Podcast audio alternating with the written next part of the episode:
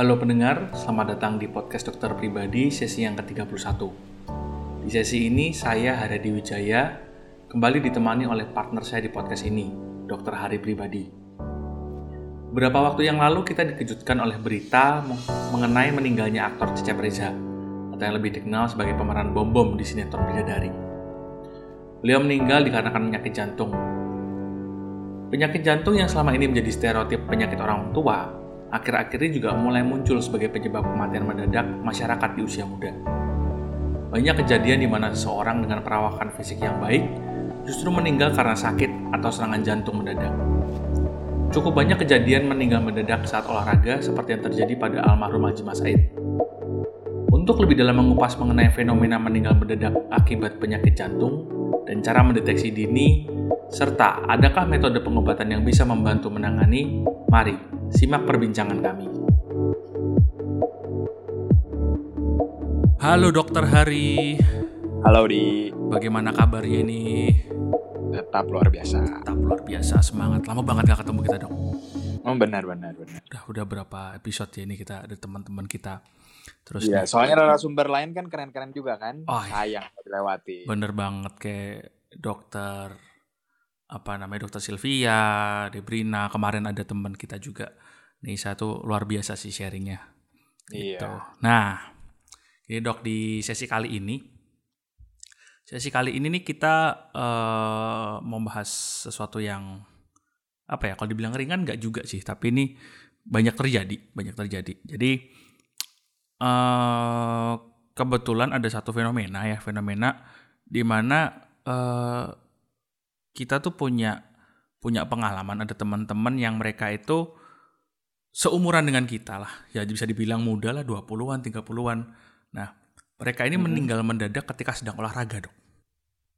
Oh iya. Yang istilahnya hmm. seringnya sih katanya karena serangan jantung atau masalah jantung. Nah, kita mau mau tahu lebih lanjut karena kan gini, di umur-umur kita ini kan olahraga juga lagi senang-senangnya di satu sisi di sisi lain kita juga hmm. tahu olahraga kita butuhin tapi di sisi yang lain ada cerita kayak gini itu kan juga uh, takut juga ya takut juga karena karena ada pengalaman juga teman yang dia meninggalnya benar-benar di tengah lapangan gitu loh mm-hmm. gitu nah kita mau bahas soal itu sih dok mau tanya-tanya lah gitu. oke okay, okay. nah sebenarnya nih kalau uh, yang mungkin pertanyaan siapa pertama dokter pernah nggak misalnya nemuin ada pasien yang emang dia datang ke UGD atau datang ke rumah sakit dengan keadaan seperti itu yang tahu-tahu punya masalah mendadak atau bahkan mungkin sampai di di rumah sakit sudah meninggal gitu? Oh, oke. Okay. Jadi sebelumnya memang fenomena mati muda itu akibat sakit jantung sekarang makin jadi public concern ya. Hmm. Terutama setelah kemarin ada kejadian itu ya, bom-bom yang pemeran di Bidadari, sinetron yang zaman-zaman hmm. tahun 90-an itu ngehits, tiba-tiba mati katanya selagi tidur.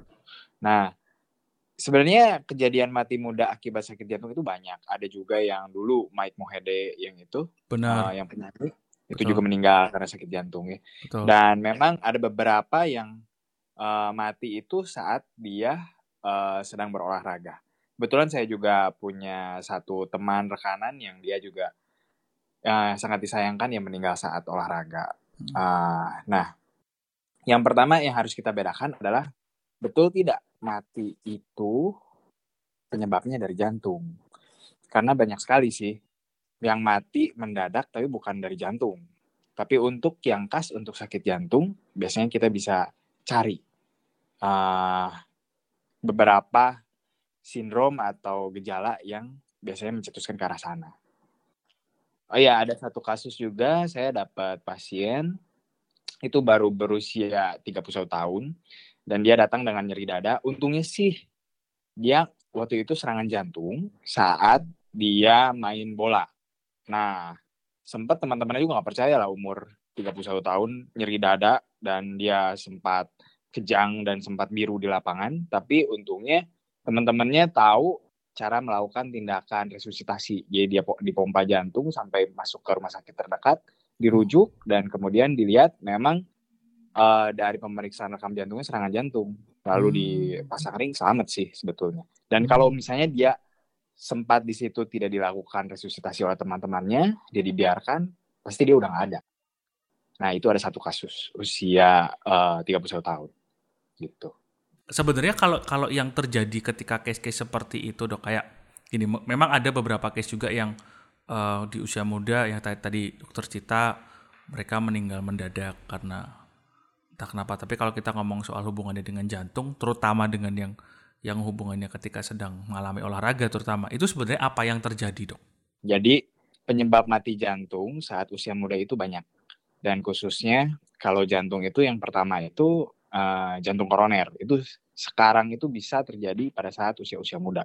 Kalau dulu kan kita menganggap bahwa jantung koroner itu terjadinya ya usia 50 tahunan, middle hmm. age lah ya. Hmm. Nah, karena uh, pembuluh darahnya kan makin tua makin sudah sempit seperti itu. Tapi ternyata makin ke sini uh, orang-orang dengan gaya hidup yang saat ini merokoknya luar biasa, ada yang sampai dua bungkus satu hari, kemudian riwayat genetiknya memang buruk sekali, sehingga pembuluh darahnya cenderung gampang uh, sempit dan tertutup sempurna. Nah, itu bisa terjadi jantung koroner di usia di bawah 35 tahun. Bahkan uh, data dari WHO sendiri, itu di Amerika Serikat kurang lebih 340 ribu uh, penduduk itu yang meninggal akibat serangan jantung, ternyata 40 persennya sekarang di bawah 40 tahun. Nah, itu kan lumayan banyak Oke, ya. Tinggi juga sih hitungannya itu. Iya, tinggi juga. Jadi hanya uh, untuk di Indonesia memang datanya belum teringkas dengan baik sehingga kita belum tahu pasti seberapa sering ini terjadi di Indonesia. Tetapi dari situ kita bisa belajar bahwa jantung koroner ini sekarang sudah mulai bergeser. Jadi usianya hmm. sudah dari middle age ke, uh, ke atas berubah menjadi sekarang ke uh, early adulthood gitu. Nah, kemudian itu jantung koroner yang uh, terutama yang bisa menyebabkan kematian akibat jantung.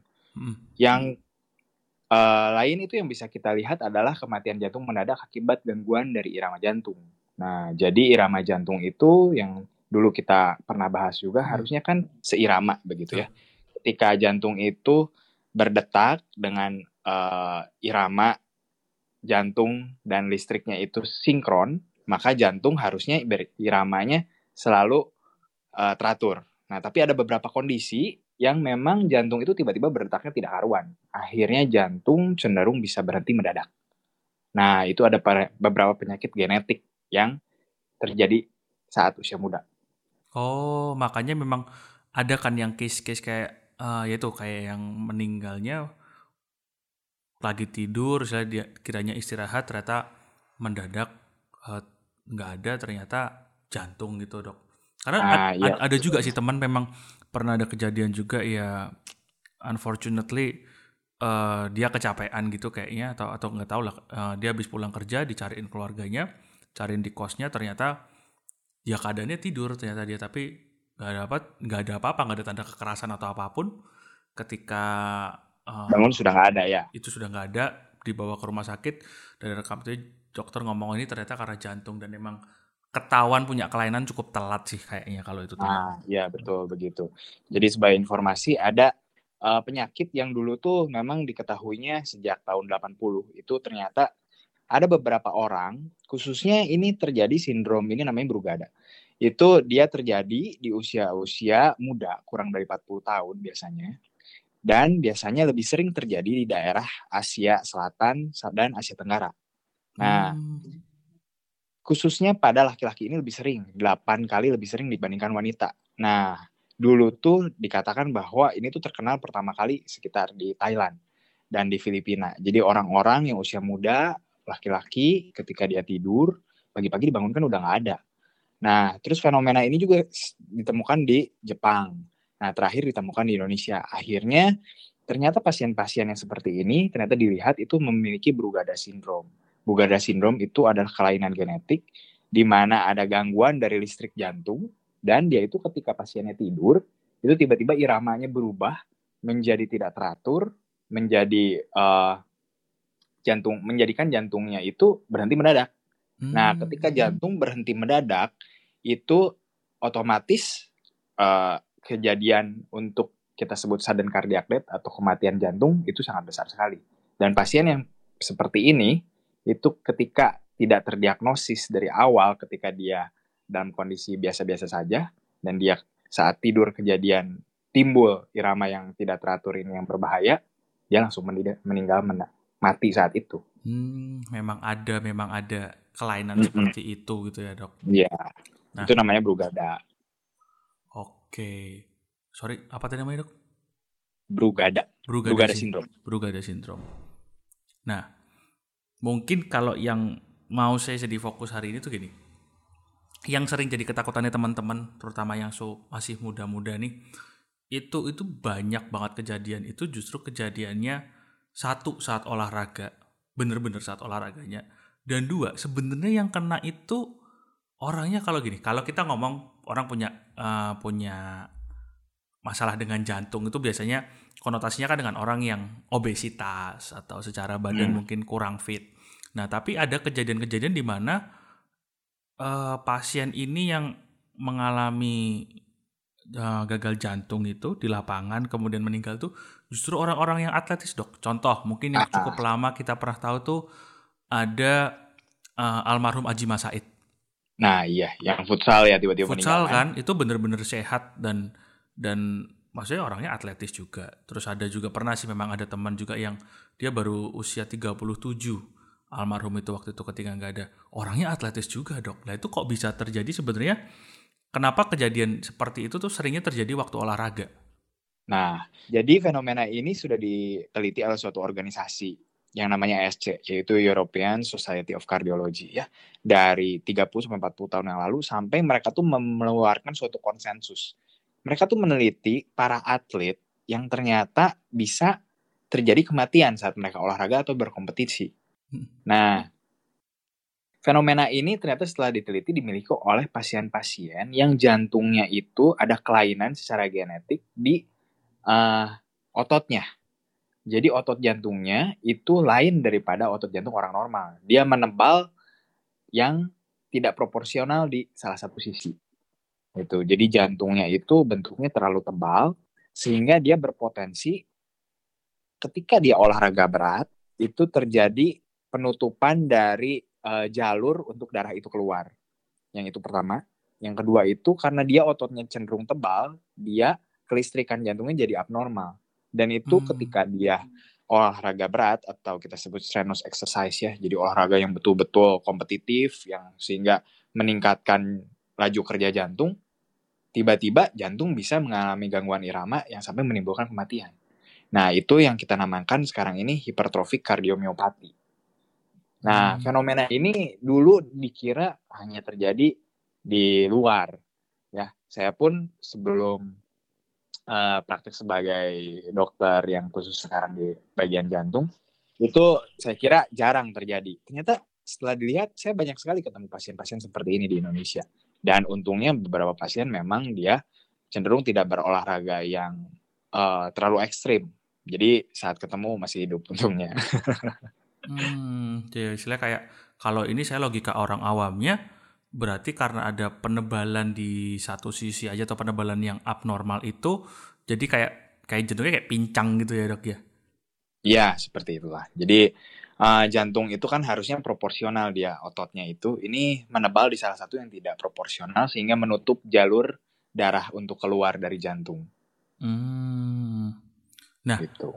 Sekarang ini kalau kalau dokter itu sudah menemukan ini sebenarnya kalau ngomong gejalanya itu bisa nggak sih dok yang istilah kan gini kalau beda ceritanya kalau kita udah ngecek jantung secara khusus ya tapi kalau kalau kita nih orang normal apa sih yang yang dirasain pasien pasien-pasien yang mengalami mengalami sindrom tersebut yang bisa dia rasain sing yang mungkin apa ya bisa jadi tanda lah oh mungkin saya jadi pertanda ya mm -mm. Hmm, jadi uh, tadi untuk yang pertama jantung koroner ya. Kalau jantung koroner memang gejalanya khas kan. Biasa pasien cenderung ada nyeri-nyeri dada dulu seperti itu dan ketika melakukan aktivitas makin berat makin terasa nyeri dadanya. Ini cenderung khas untuk jantung koroner biasanya tanda-tanda seperti ini mengharuskan seorang pasien untuk mencari dokter biasanya karena bergejala.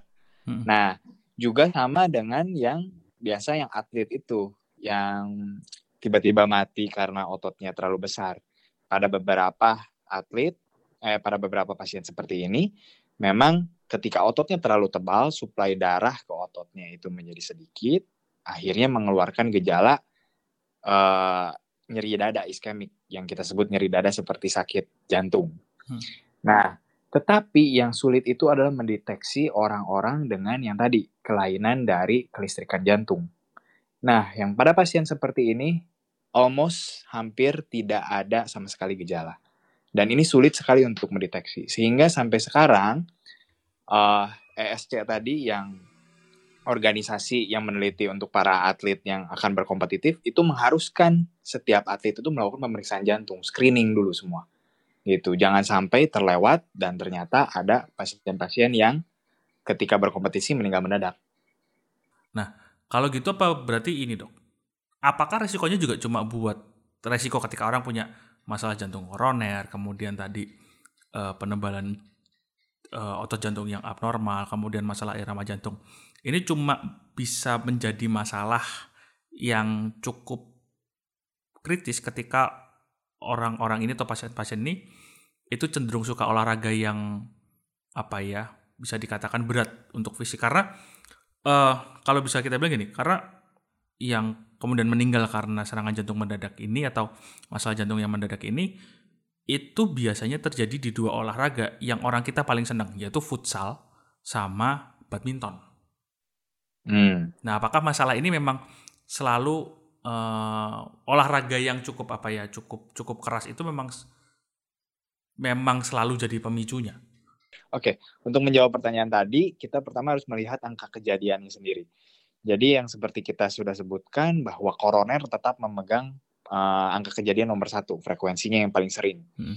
Nah, untuk yang kedua itu memang yang paling sering itu yang tadi, yang otot yang menebal tidak pada tempatnya atau hipertrofi kardiomiopati. Nah, yang ketiga baru kelainan dari uh, kelistrikan jantung seperti Brugada syndrome. Nanti juga kita akan sedikit menyinggung tentang long QT syndrome dan lain-lain. Nah, dari segi angka kejadian sini, memang yang dari urutan pertama itu koroner dan kelainan dari otot jantung, biasanya terjadi kematiannya saat olahraga yang berat dan olahraga orang cenderung berolahraga lebih berat dari biasanya pada saat dia melakukan olahraga yang kompetitif seperti biasa futsal, badminton dan itu dua olahraga yang paling populer uh, khususnya untuk orang Indonesia kan yeah. dan sepak bola. Nah sehingga angka kejadian dari kematian jantung mendadak itu lebih sering pada penyakit itu. Tapi dari pertanyaan tadi bisa kita lihat bahwa ada kondisi di mana bukan saat berolahraga pun pasien bisa mengalami kematian jantung mendadak. Misalnya pada saat tidur seperti tadi Brugada syndrome. Hmm. Itu tetap jadi untuk menjawab pertanyaan tadi apakah bisa terjadi saat tidak sedang berolahraga? Kita jawab tetap bisa. Begitu. Tetap ada resikonya ya, Dok ya. Tapi frekuensinya lebih rendah.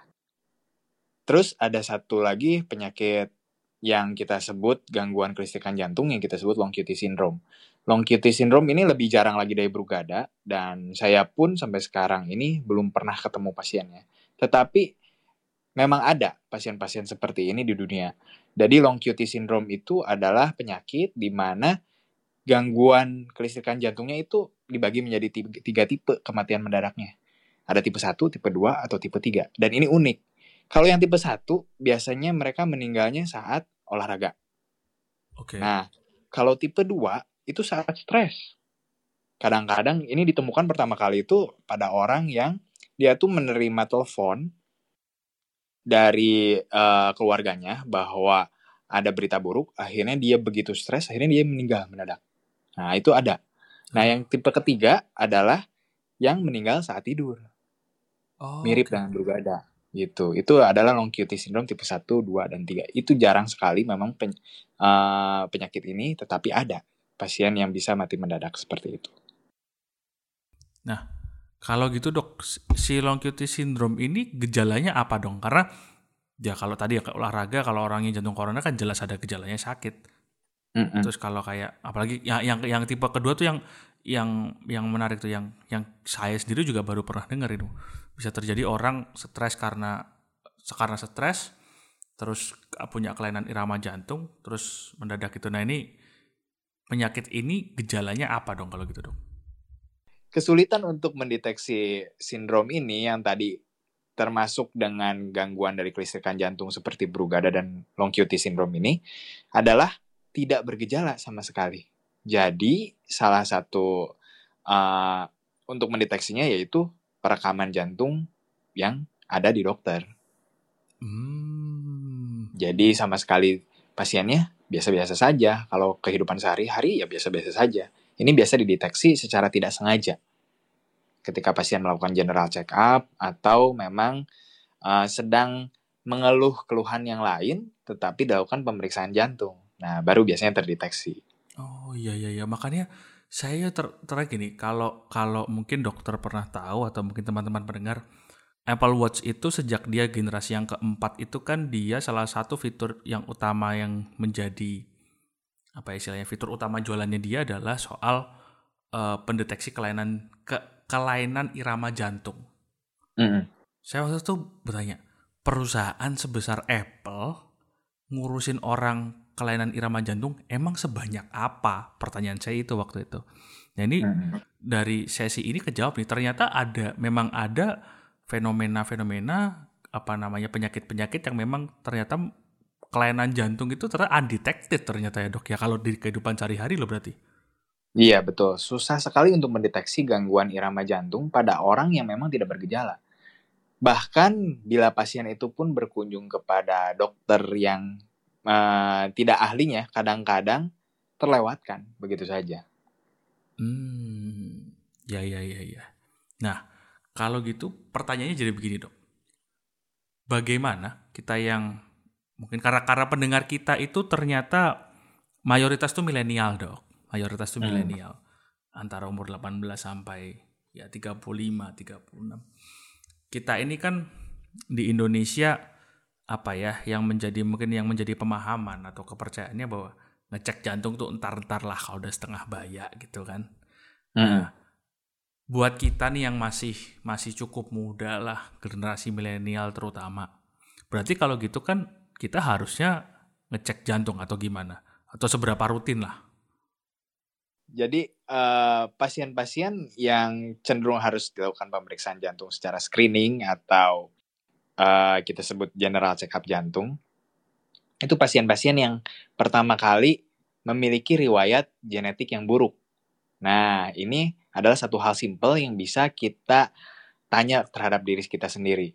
Jadi, kita lihat apakah silsilah keluarga kita, terutama dua angkatan di atas kita, ayah kita, ibu kita, kakek dan nenek, ada nggak riwayat mati mendadak? atau pingsan yang tidak diketahui sebabnya selama hidupnya. Bila untuk pria itu kurang dari 45 tahun sudah ada timbul kematian mendadak atau wanita kurang dari 55 tahun timbul kematian mendadak, itu kita harus concern. Apakah kematiannya akibat jantung? Begitu. Karena kematian yang akibat yang lain itu jarang sekali. Hmm. Jadi untuk uh, biasanya yang menimbulkan kematian langsung seketika itu memang jantung. Oke. Okay. Gitu. Yang kedua, setelah kita me menanyakan terhadap diri sendiri, apakah kita ada riwayat genetik yang buruk, kita harus memeriksakan diri kepada dokter yang spesialisasinya di situ. Dan khusus untuk jantung, biasanya dokter jantung pasti akan melakukan pemeriksaan rekam jantung untuk melihat pertama kali apakah ada kelainan-kelainan di kelistrikan jantung atau tidak.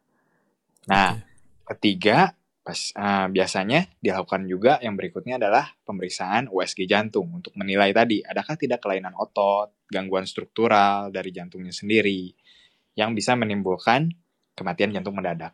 Seperti itu. Hmm, berarti harus harus lihat silsilah ya rekor keluarga lah ya dok ya. Iya betul. Bibit bebet bobot itu memang penting. Berarti saya untuk pria di bawah 45 jika ada kematian mendadak atau pingsan mendadak tanpa diketahui sebabnya sama kalau wanita di bawah 55 tahun ya. Iya, betul. Karena betul pingsan juga itu bisa merupakan pertanda gangguan dari kelistrikan jantung. Yang kita sebut jadi kan kalau jantung itu ketika dia iramanya abnormal dia akan menggelepar. Kalau hmm. menggelepar kurang dari 30 detik kita sebut itu bahasa kedokteran non sustained ventricular tachycardia. Itu pasiennya cenderung dia cuman seperti terlihat pingsan atau dia berhenti mendadak seperti itu. Kemudian dia ketika jantungnya mulai berdetak kembali, darah kembali ke otak, pasiennya seperti terbangun.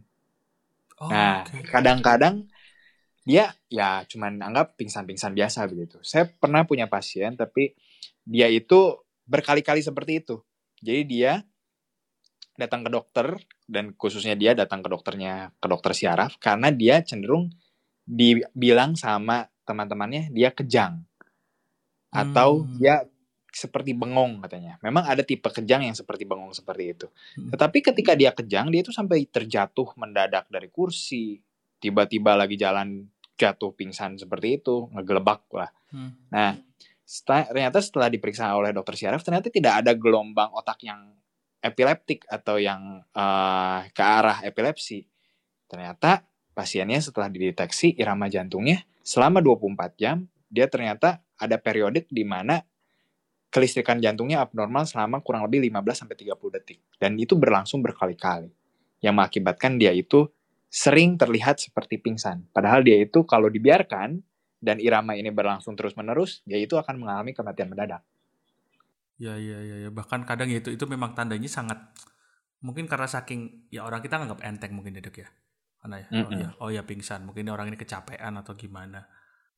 Nah itu juga kecapean yang kadang-kadang bahasa awamnya orang oh kemat mati karena kecapean. Itu Betul. sepertinya sebetulnya kalau dalam lingkup medis itu jarang terjadi ya pas orang sampai kecapean sampai mati itu. Itu memang saya memang dia punya punya satu satu masalah tertentu yang akhirnya mungkin dia capek itu jadi triggernya berarti itu ya.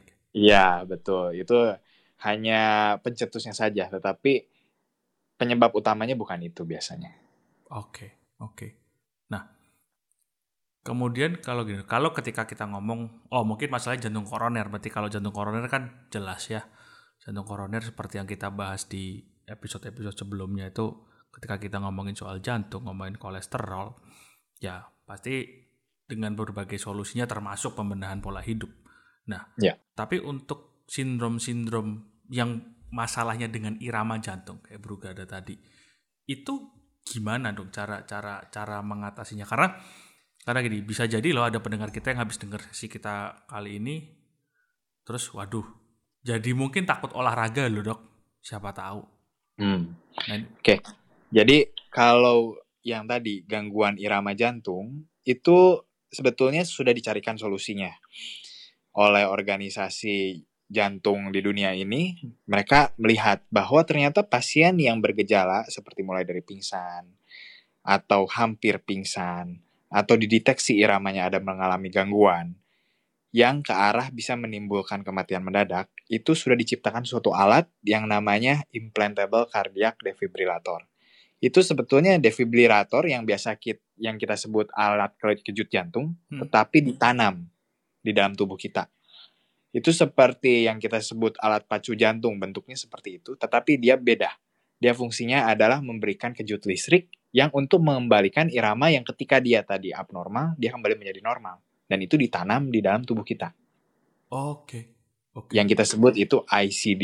Nah, Pak, memang membutuhkan uh, suatu analisis khusus dari berbagai ilmu uh, disiplin jantung khususnya untuk melihat apakah pasien ini membutuhkan betul-betul uh, alat ICD ini untuk ditanam atau tidak. Ada satu uh, kasus menarik dari guru saya. Dia itu adalah salah satu yang penanam ICD pertama di Indonesia. Nah, ada pasiennya itu dia deteksi sebagai brugada. Hmm. Nah, kemudian pasiennya waktu itu umur 32 tahun. Kemudian dia karena ada satu episode pingsan dan dideteksi dari irama jantungnya itu ke arah brugada, akhirnya guru saya menanamkan alat ICD ini. Dan selama 10 tahun, ternyata alat ini tidak melakukan satu kali pun shock atau kejut jantung. Sampai si orang ini komplain. Di umur 42 tuh dia komplain. Dok, ngapain dong dokter pasang ke saya? Saya nggak pernah nggak pernah dikejut listrik. Huh. Nah, setelah dia komplain itu, dua bulan kemudian, tiba-tiba alat itu melakukan kejut jantung satu kali. Oh, dan itu yang menyelamatkan nyawanya dia. Dan dari situ dia nggak pernah komplain lagi dan bersyukur. Oh, oke oke oke oke oke. Jadi kalau alat pacu jantung ini kan memang tentu yang kita kenal selama ini kan untuk membantu memacu jantung memang orang yang memang punya punya masalah. Tetapi yeah. kalau kalau ICD ini berarti dia kerjanya adalah ketika dia mendeteksi ada satu ke apa ya irregularity lah ketidakteraturan dari irama jantung atau ada masalah dengan irama jantung itu yang detect langsung dia mengejutkan kayak kayak apa ya berarti kayak kayak lama ini kita datuk pacu jantung besar ini versi kecilnya gitu di dalam tubuh berarti Iya betul yang langsung dia itu ditanam di dalam tubuh kita langsung dia akan memberikan kejut jantung ke arah jantung kita ketika dia mendeteksi ada irama yang berbahaya. Hmm. Nah, berarti dengan adanya alat itu eh, orang-orang yang mungkin mengalami sindrom-sindrom penyakit masalah dengan irama jantung, kelainan irama jantung itu dia bisa lagi beraktivitas normal gitu dok, kayak olahraga gitu bisa? Ya. Iya, bisa. Oh. Ya ya ya, karena karena memang biasanya masalahnya itu adalah ketika di paksa kerja keras sampai di titik tertentu. Kalau ada masalah itu bisa berakibat pada henti jantung. Alat ini ketika kejadian itu terjadi dia langsung mengejut jantung berarti dok ya? Iya betul. Tetapi penanaman alat ini membutuhkan uh, pemikiran dari analisis dari expert di bagian jantung. Hmm. Jadi nggak semua orang itu harus dipasang seperti ini, harus betul-betul diteliti. Betul tidak sakitnya yang jenis ini. Oh, berarti sebenarnya gini, topik kita hari ini tadi kan sebenarnya di sesi ini kan sebenarnya kita tadi pengen membahas soal ya itu. Itu kan fenomena apa ya yang sebenarnya kalau saya boleh jujur ngomong tuh jamak terjadi sih dok. Jamak cuma mungkin uh, kalangannya terbatas. Mungkin kalau terjadi di kalangan selebriti atau atau tok uh, public figure mungkin baru itu muncul. Tapi hmm uh, jujur sesi ini obrolan kita tadi membukakan mata saya sih bahwa kita yaitu bahwa persepsi atau pemahaman masyarakat kita soal bahwa jantung itu cuma masalahnya orang tua ternyata enggak juga berarti ya dok ya iya betul kita harus lebih concern sekarang di usia-usia yang lebih muda ya. untuk masalah jantung ini ya bener sih apalagi dengan aktivitas kita zaman sekarang yang makin macam-macam dan mungkin stress levelnya juga makin tinggi mungkin ya. Ya, sekarang ini stress level mungkin sudah dibahas oleh beberapa narasumber kita. Ternyata dunia ini bukan less stressful loh sekarang itu makin stress malah ya. Betul, betul, betul. Mau dari kemarin uh, dokter Ade ngomong soal ketika kita ngobrol soal insomnia itu juga hubungannya dengan stres. Kemudian kayak kemarin terakhir uh, Neisa itu juga ngomong soal apa ya ya di umur umur kita quarter life crisis itu jadi satu satu sumber stres yang luar biasa loh pencarian jati diri itu. Bener-bener sih. Iya. Ya semoga sesi ini membukakan mata banyak teman-teman pendengar kita lah. Istilahnya kita harus lebih concern sih sama sama organ yang paling nggak pernah istirahat sampai nanti ajal menjemput kalau saya bilang. Iya, betul. Oke, terima kasih dokter Hari, mungkin begitu. Terima kasih juga di. Untuk sesi ini, thank you banget buat sharing-sharingnya dan waktunya. Semoga bermanfaat dan tetap ditunggu di sesi-sesi ya. selanjutnya ya. dok. Terima kasih. Oke, thank you. Untuk Anda yang ingin bertanya lebih lanjut mengenai topik sesi kali ini atau mengobrol dengan tim dokter di podcast dokter pribadi, atau bahkan ingin menyampaikan saran mengenai topik-topik yang ingin dibahas di sesi-sesi selanjutnya, sapa kami di Instagram karena sekarang podcast dokter pribadi punya akun Instagram di @dokter.pribadi.official. Sekali lagi akun Instagram kami ada di @dokter.pribadi.official.